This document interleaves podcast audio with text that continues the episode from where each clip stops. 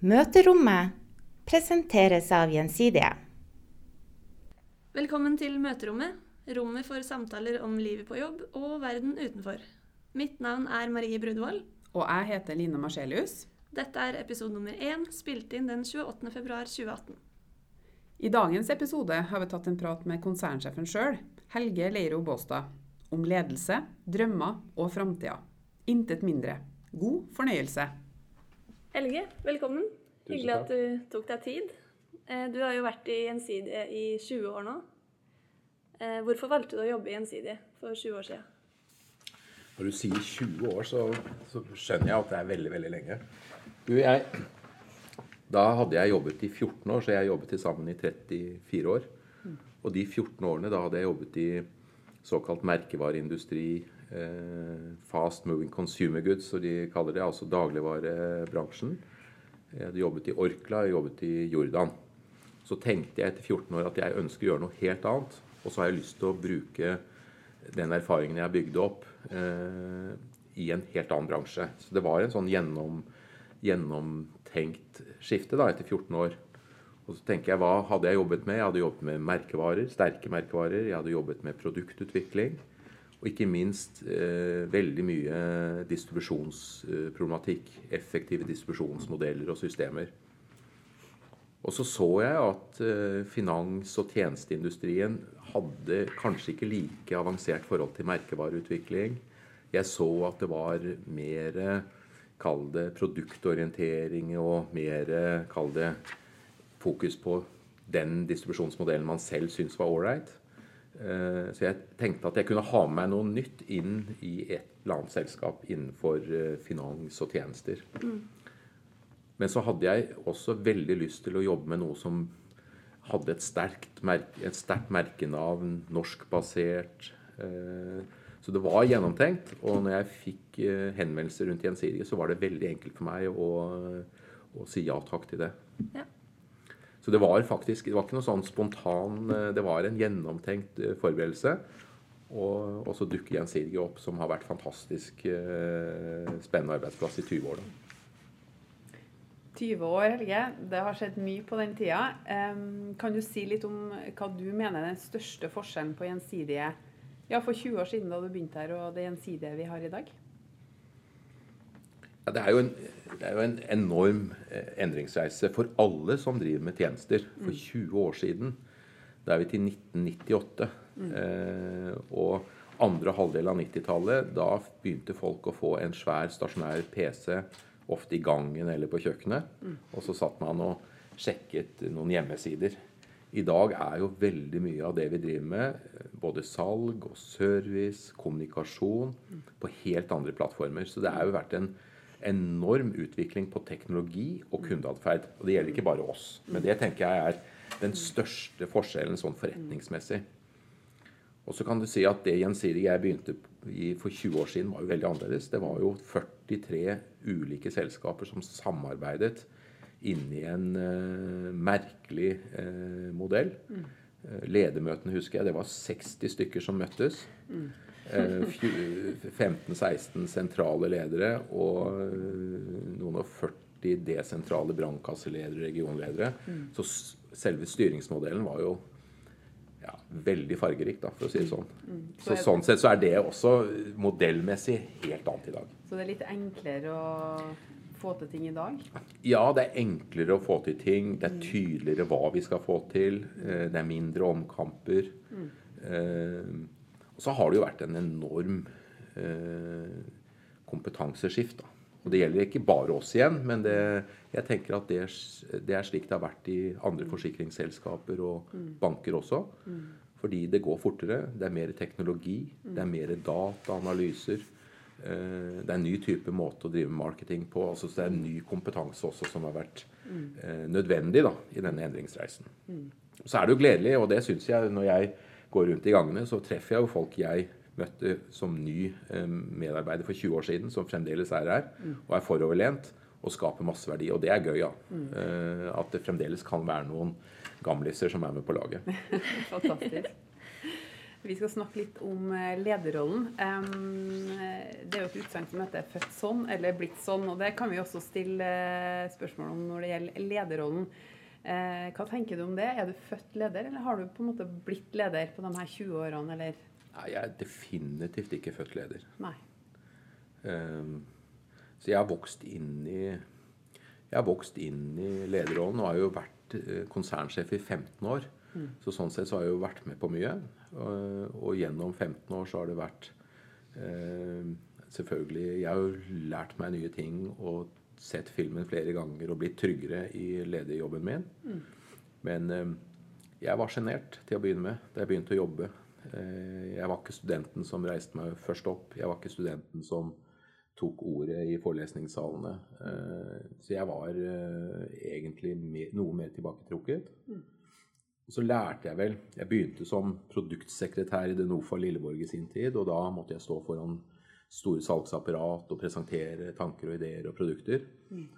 Og så lærte jeg vel i den forbindelsen at hvis du forbereder deg kjempegodt, og hvis du kan det du skal uh, formidle, mm. du har trent på det, så går det ganske greit. Og sånn sett så er det å utvikle seg som leder, det er jo en reise hvor du hele tiden må forberede deg, ta det på mm. alvor. og så får du selvtillit hver gang det går greit, og på den måten beveger du deg oppover mm. som leder også.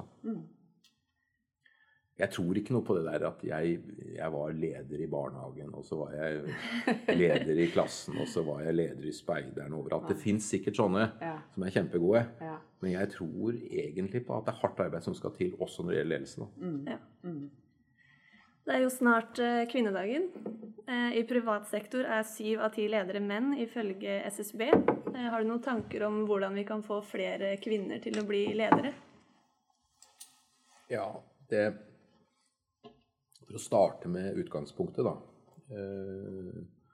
Og gjerne gjensidige som et eksempel. Fordi vi er en stor arbeidsgiver, så er det nesten 50-50 kvinner og menn. Mm. Og det er stort sett 50-50 kvinner og menn i samfunnet. Eh, så har vi jo den litt spesielle situasjonen nå i Norge, og det tror jeg gjelder i store deler av den vestlige verden også. Det er at eh, de flinkeste studentene er ofte kvinner. Mm. Og da er det jo et problem hvis man ikke har en god balanse eh, mellom kjønn.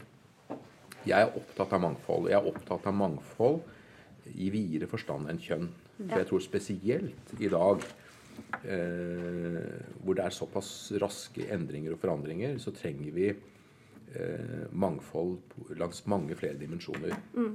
Men tilbake til det du spør om kjønn. Eh, jeg tror man må ha en sterk bevissthet eh, i enhver bedrift og, eh, på hvor man hele tiden må sørge for at eh, det gis like muligheter uansett bakgrunn og kjønn. Mm. Og det må, det må gjennomsyre hele bedriften. Og jeg, eh, før du stiller meg spørsmålet, så, så, kan jeg godt si at vi er, ikke, eh, vi er ikke gode nok i Gjensidig. Det er for mange eh, Det er for få kvinnelige ledere på høyt nivå. Mm. I min konsernledelse så er det nå per 1. mars 33 kvinner. Mm. Og det er ingen god grunn for at ikke det over tid skal være balanse. Det er ingen god grunn for at det ikke skal være balanse i de andre ledernivåene. Nå er det noe bedre under konsernledelsen. Men vi har utviklet i konsernledelsen og forankret med vårt styre om at vi må ha balanse mellom menn og kvinner i de øverste ledernivåene. Mm. Og det tror jeg er det beste utgangspunktet for å sørge for at dette skjer gjennom hele, ja. hele virksomheten. Mm. Og så er det vel slik Jeg har lyst til å si det, da, at Eh, det må være kompetanse. Det må være Det må ligge til grunn. Ja. Eh, så kvotering er jo ikke noe godt virkemiddel. Nei. Men så kan man jo heller ikke si at det må komme naturlig. Vi må mm. tilrettelegge for det. Vi må ha ambisjoner. Mm. Vi må sørge for at alle jobbene utlyses. Vi må sørge for at det hele tiden er eh, kandidater fra begge kjønn. Så det er mange tiltak som må iverksettes for å få dette til å bli mer balansert og bedre. Mm. Vi har den planen på plass. Og vi vil jobbe målrettet for å sørge for dette. Ja. Hva, hva, tenker du om det å få en bedre balanse da, f.eks. i konsernledelsen på, med kvinner og menn? Gjør det noe med klimaet? Altså med måten man jobber sammen på, eller er det mer Ja, altså igjen, tilbake igjen. Altså jeg tror jeg tror eh, det blir mye mer spennende diskusjoner hvis det er uh, mangfold. Og kjønn er én dimensjon. Ja. Uh, alder er en annen dimensjon. Ja. Uh, utdanningsbakgrunn er den tredje dimensjonen. Ja. Type erfaring en dimensjon. Så jeg tenker at, Og det har jo ofte vært sånn at eh, i perioder, i hvert fall i forsikringsbransjen, hvis du går langt tilbake i tid Til å begynne med var det juristene som eh, styrte, og da var det bare jurister i den øverste ledelsen. Så var det ingeniørene, og så har det vært en lang periode hvor det bare har vært økonomene. Og jeg tror jo da grunnleggende på en bedre balanse langs mange dimensjoner. Og det er spesielt viktig sett fremover. Eh, Det er veldig mange som tenker at man kanskje må bli leder for å ha en såkalt vellykka karriere. Hva tenker du om det? Må alle bli ledere for å lykkes i livet? Nei, definitivt ikke. Og jeg tenker vel kanskje også at uh, det har jo vært knyttet status, prestisje og uh, avlønning knyttet til å bli leder. Ja. Og sånn sett så har jo det for mange vært liksom definisjonen på det å lykkes i arbeidslivet. Det er å krabbe oppover i dette hierarkiet som har vært. Eh, og på den måten få både titler og posisjoner og lønn. Ja. Det står for fall, tror jeg. Ja. Det må stå for fall. Fordi ting kommer til å forandre seg raskere og raskere og raskere.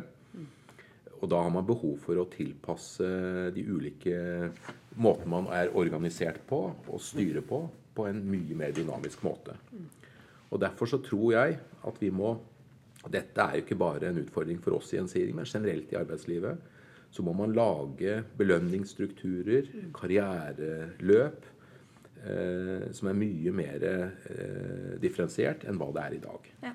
Det kan være fagkarrierer, det kan være rene lederkarrierer, det kan være eh, langs ulike akser. Eh, eh, Så her er jeg ganske sikker på at eh, vi står foran veldig mange forandringer. Det må være sånn. Jeg har ofte sagt eh, visjonen min for Gjensidige eh, langt der framme.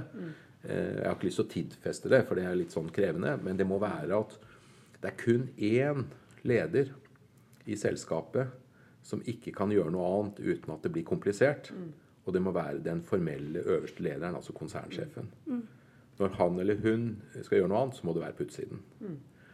Hvis vi kommer dit at alle andre kan bevege seg egentlig ganske sømløst inn i selskapet uten å miste prestisje, uten å miste kanskje goder, uten å miste motivasjon, da har vi kommet langt. For da har du en fleksibilitet og en bevegelse inni der som vil være veldig ålreit i forhold til å møte en, en verden på utsiden som er mye mer dynamisk og fleksibel og, og hele tiden vil forandre seg. For det er jo sånn at noen er gode på spesielle problemstillinger, andre er gode på andre problemstillinger. Og da kunne hele tiden tilpasse eh, Kall det styringsmodellen, da, i forhold til der hvor du til enhver tid er, uten alle de klassiske prestisjediskusjonene og lønnsdiskusjonene og titteldiskusjonene og med og uten firmabildiskusjoner osv. som man har hatt historisk, så vil dette bli fryktelig mye enklere og bedre. Men det er ikke noe quick fix, og det er ikke så enkelt. Men det er en visjon eh, som jeg har, og jeg bruker det eksempelet flere ganger. Mm. Det er snakk om, mye snakk om selvrealisering eh, nå om dagen. Mange har lyst til å hoppe av en strålende karriere og bli gründere, f.eks. Um, har du noen drømmer du ennå ikke har fulgt? Ja, altså det Jeg tenker vel at eh, drømmer og, eh, er viktig, da. Ja. Drømmer er viktig eh, i arbeidslivet. Drømmer er viktig i eh, privatlivet. Eh, og jeg tenker at det ligger mye eh, energi i å ha drømmer. For mange, mange år siden så var jeg sammen med noen utrolig dyktige nordmenn, eh, en sosiolog og en psykolog, eh, i et program i Firenze som eh, het 'Kongstanker, makt og verdighet'. Og det, har, det var 15 år siden, kanskje, en sånn, og det har, eh, det har preget litt av eh, karrieren min eh, i selskapet her, da. Fordi da tok de denne gruppen som jeg var en del av, tilbake igjen til Firenze og Italia på 1400-1500-tallet. og, og da var det et enormt innovativt og kraftfullt yrende liv i Italia. Og det var liksom vuggen til det moderne bankvesenet i Europa. Det var kunst, det var litteratur osv. Mm. Og mange av disse, når vi gikk i dybden på disse Leonardo da Vinci, Medici-brødrene osv., osv. Og mye av det som preget dem, var sterke kongstanker om å virkelig sette et flagg etter seg. Mm. Og da tenker jeg, eh, og det dreier seg om drømmer. Mm. Ambisjoner og drømmer. Mm. Og den type kongstanker har jeg vel for så vidt hatt eh, som leder i Gjensidige. Å virkelig prøve å få til ting som, eh, som står der litt som, som synlig bevis på at du har vært der og gjort en forskjell. Og jeg tenker at de drømmene gjelder privat også. Eh, så skal du sikkert spørre meg hva det der er for noe privat. ja, det, det er litt nysgjerrig på, da. om, om, det er noe jeg ikke har gjort? Ja, ja. ja, det er masse jeg ikke har gjort. Ja. Jeg har sagt i mange år nå at jeg vil lære spansk. Mm. Og jeg har kjøpt uh, Jeg har hylla full av uh, både litteratur og kurs og greier. Jeg har ikke kommet i gang. Nei. så jeg har lyst til å lære meg språk. Mm. Det er en helt konkret uh, drøm, og det må jeg gjøre. Fordi jeg har et lite sted i Spania og jeg har lyst til å lære meg litt bedre språket. Mm. Eller litt bedre, jeg kan mm. ingenting. Uh, så jeg har en del sånne drømmer ja. eh, privat, og jeg tror det er viktig. Mm. Ja. Men er det da for den dagen du ikke lenger er konsernleder i Gjensidige, eller er det ting du tenker du kan kombinere den rollen du har nå? Nei, jeg, nå har jeg jo vært der veldig lenge, ja. og jeg tror jeg kommer, nok, jeg kommer, nok, ikke til å snakke flytende fransk, nei, spansk den dagen jeg gir meg gjensidige. Men det, det, å lære seg et språk, ja. selv om du har en lederjobb, det tror jeg går an. Ja. Så det er bare å ta seg sammen. Ja. Og den berømte pensjonisttilværelsen, eh, den dagen den kommer, har du tenkt eh, hva du skal drive på med da? Skal du bare slappe av og sove lenge om morgenen? Flytte til Spania? Nei, vet du hva, det, har, det, å flytte til Spania har jeg ikke noe tro på. Nei. Eh, for å være helt ærlig. Nei. Sove lenge om morgenen har jeg ikke noe tro på. Nei. Ehm, jeg spiste middag med, med en eldre høyremann på Stortinget. Og så spurte jeg han eh, for mange, mange år, eller det var ikke mange år siden, noen år siden, så spurte jeg han hva er det som gjør deg motivert for å fortsette som stortingsrepresentant. Du er den eldste nå eh, på tinget. Mm. Og så sa han til meg jeg brenner jo for eh, partiet mitt, og jeg brenner jo for sakene. Men jeg skal være ærlig, sa han, og, og, si at det at jeg får lov til å være sammen med så mye unge mennesker, og får lov til å delta, det holder meg pigg. Det holder mm. meg ung, og jeg tror det er veldig bra for meg. Mm. Og det er vel egentlig det jeg har lyst til å si. Jeg har lyst til å, å bruke meg sjøl mm. eh, i et langt perspektiv. Mm. Jeg tror ikke å sove lenge om morgenen. Jeg tror ikke på det å bare pusse på hytter og hus og sånn. Og jeg tror definitivt ikke på å bo i Spania hele året. Nei. Så du dukker kanskje opp i gangene her, eh, men Nei, det tror jeg heller ikke. Altså, nå er jeg konsernsjef, og jeg gleder meg over det. Ja. Og jeg har eh, et langt perspektiv i forhold til jobben min. Ja. Men den dagen man ikke er det, så tenker jeg at uh, da dukker man jo ikke opp i gangene mer. Nei. Da er, da, da er det klarert. mm. Ja, Vi kan jo snakke litt om fremtiden og en verden som er i endring. Eh, I fjor var det ganske mange unntakstilstander med terror i Barcelona, hvor vi gikk ut og dekka avbestilling, hjemreise og ting som vi vanligvis ikke ville ha dekket. Eh, hva tenker du om forsikring i framtiden? Tror du vi må, vi må, gjøre flere endringer i vilkåra for å tilpasse oss den verden vi ser i dag? Ja, forsikring eh, Behov for trygghet. Mm det, det, vil Det er, eh, det er grunnleggende. Og det tror jeg Det kommer vi til å i denne og neste og neste generasjon eh, ha behov for. Og da økonomisk trygghet. Trygghet for at eh, hvis det skjer noe eh, voldsomt med mm. meg, mitt eller mine, så er det et eller annet sikkerhetsnett.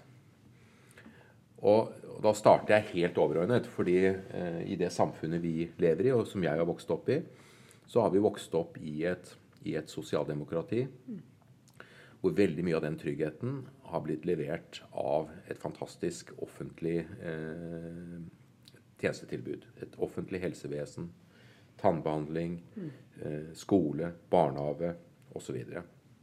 På lang sikt så stro, tror jeg, og det er jo ikke bare jeg som tror, men det er pga.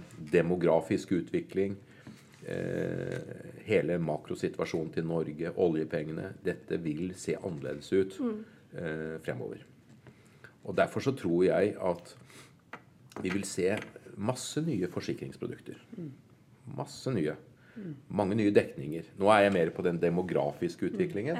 Det er klart at eh, alt som dreier seg om, om nye ting, cyber, cyberrisiko, eh, ID-tyveri Alt som kommer som avledede konsekvenser av den, eh, den voldsomme digitale bruken som vi har eh, hatt de siste årene, så vil vi få helt nye behov for trygghet, sikkerhet og kall det forsikringsprodukter. Det som helt sikkert vil forandres, det er måten dette distribueres på, selges, gjøres opp, Mm. selve strukturen i produktene. Det kan være helt nye modeller. Eh, som er både spennende, men også litt eh, eh, risikofylt da, for de som har drevet med noe som er ganske likt i mange, mange år. Ja. Men tilbake igjen til utgangspunktet. Ja, det vil skje mye. Fordi samfunnet utvikler seg. Og det vil skje mye eh, fordi teknologi og kundeatferd utvikler, utvikler seg kraftig. Vi er jo på en måte i digitaliseringens tidsalder. Det snakkes jo også om en digital revolusjon. Ja. Eh, gjensidige så har vi jo eh, blitt kjent med en finsk-svensk professor som heter Kjell Nordstrøm. Han har vært eh, til stede på en del eh, arrangement vi har hatt den siste eh, tida. Han hevder det at alt som eh, kan digitaliseres, skal digitaliseres. Og til slutt, hva er det da vi sitter igjen med? Hva tenker du om det? Hva er det som skal gjøre Gjensidige gjensidig unikt eh, på lang sikt, når vi til slutt kanskje har absolutt de helt like løsningene som alle andre har i bransjen? Ja, altså spørsmålet ditt er, eh, det er godt. For det er klart at eh, vi kommer jo fra en situasjon, bare for å ta historien, da. Vi er bygd opp eh, gjennom 200 år. Eh, og vi er bygd opp gjennom masse lokal tilstedeværelse. Mange dyktige ildsjeler eh, som har representert Gjensidige i, i brannkasser og i, i lokalsamfunn. Og det går gjetord om eh, Gjensidiges representanter som er på branntomta før brannvesen osv. Mm. Det er vår merkevare, og det er vår historie. Og så sier vi i dag at nei, den personlige kontakten trenger man ikke. Man kan gjøre alt digitalt. Det kan være eh, uten mennesker involvert. Så er det nok veldig mye av den, kall det den, den det forretningen vi gjør i dag, som kan forenkles og digitaliseres. Men så tror jeg, tilbake igjen til forrige spørsmål, Ja. og, og fremtiden, så tror jeg innenfor helse, innenfor uh, dette å trygge liv, helse, personer, der vil man ha behov for eh, menneskelig kontakt. Man vil ha behov for en ekte, ordentlig trygghet. Det er tross alt viktigere enn om man mister sykkelen sin eller eh, litt mindre reiseforsikringssaker og ting. Det tenker jeg, det kan vi forenkle og digitalisere hvis det lar seg digitalisere, og det gjør det. Det er jo en av de kongstankene jeg har, da. Det er at vi skal eh, ta en rolle. Slik at vi møter den eh, fremtiden som jeg ser Norge står overfor, på en offensiv måte med nye, gode trygghetsløsninger. Og da vil Gjensidige og vekteren spille en rolle. Eh, det er jo ikke slik at det kan digitaliseres vekk. Det må være en som eh, Vi har slagordet 'Tiden går'. Gjensidige består. Og jeg tenker at det vil være behov for å vite at det er noen som stiller opp når du virkelig trenger det. Eh, Så det, det er på en måte en ledestjerne for meg. Men jeg er enig med Kjell Nordstrøm at det som kan digitaliseres uten at det går utover eh, kundeverdien, uten at det går utover det vi skal representere overfor kunden og markedet, det må vi bare digitalisere. Vi kan ikke eh, henge etter og si at nei, eh, vi har lyst til å ta vare på forretningsmodellen og sånn. Jeg tror vi bare må følge på og følge med. Men jeg tror, som sagt, i et samfunn at mennesker trenger eh, selskap, merker, organisasjoner Kall det gjensidige opplevelsen vår, også i nye eh, områder og nye typer modeller. Så Gjensidige går for 200 år eh, til? Ja, altså Spør du meg hvordan et selskap som vårt, da, som et børsnotert selskap, hva er mandatet? Jo, det er å vokse i evighetens perspektiv. Eh, Men det kan jo fort eh, være at Gjensidige er sammen med noen andre sterke og store, og at vi har eh, sier vi, men selskapet på et eller annet tidspunkt sier at nå er vi så fryktelig gode i dette geografiske området, så nå beveger vi oss inn i nye geografiske områder. Eller at man sier at nå er vi så sterke på dette området, så nå vil vi gå inn i nye områder. Du kan aldri si at nå har vi nok, nå er vi utsolgt. Nå må vi prøve å bevare det vi har. Det er mandatet. For da går du tilbake. Du må alltid videre. Alltid vokse. Alltid utvikle deg. Og det er, eh, det er modellen. Det er modellen for å være vital. Det er modellen for å holde på de beste og tiltrekke seg de beste. Så det er fortsatt eh, håp for menneskeheten, holdt jeg på å si, i en verden full av roboter. Det er det, og, men tilbake til utgangspunktet ditt. Det er jo det er jo fryktelig mange eh, skyer på himmelen. Terror. Eh, klimaendringer. Eh, det er jo virkelig bekymringsfulle skyer på himmelen. Eh, og jeg har både barn og barnebarn eh, som skal leve lenge i, i landet vårt, eh, holdt jeg på å si. Og det er klart at eh, sånn sett så er det det er ikke alt som er like enkelt å se for seg løsninger på. Eh, men jeg har tro på menneskene, da. Eh, og jeg tror på at man finner gode løsninger.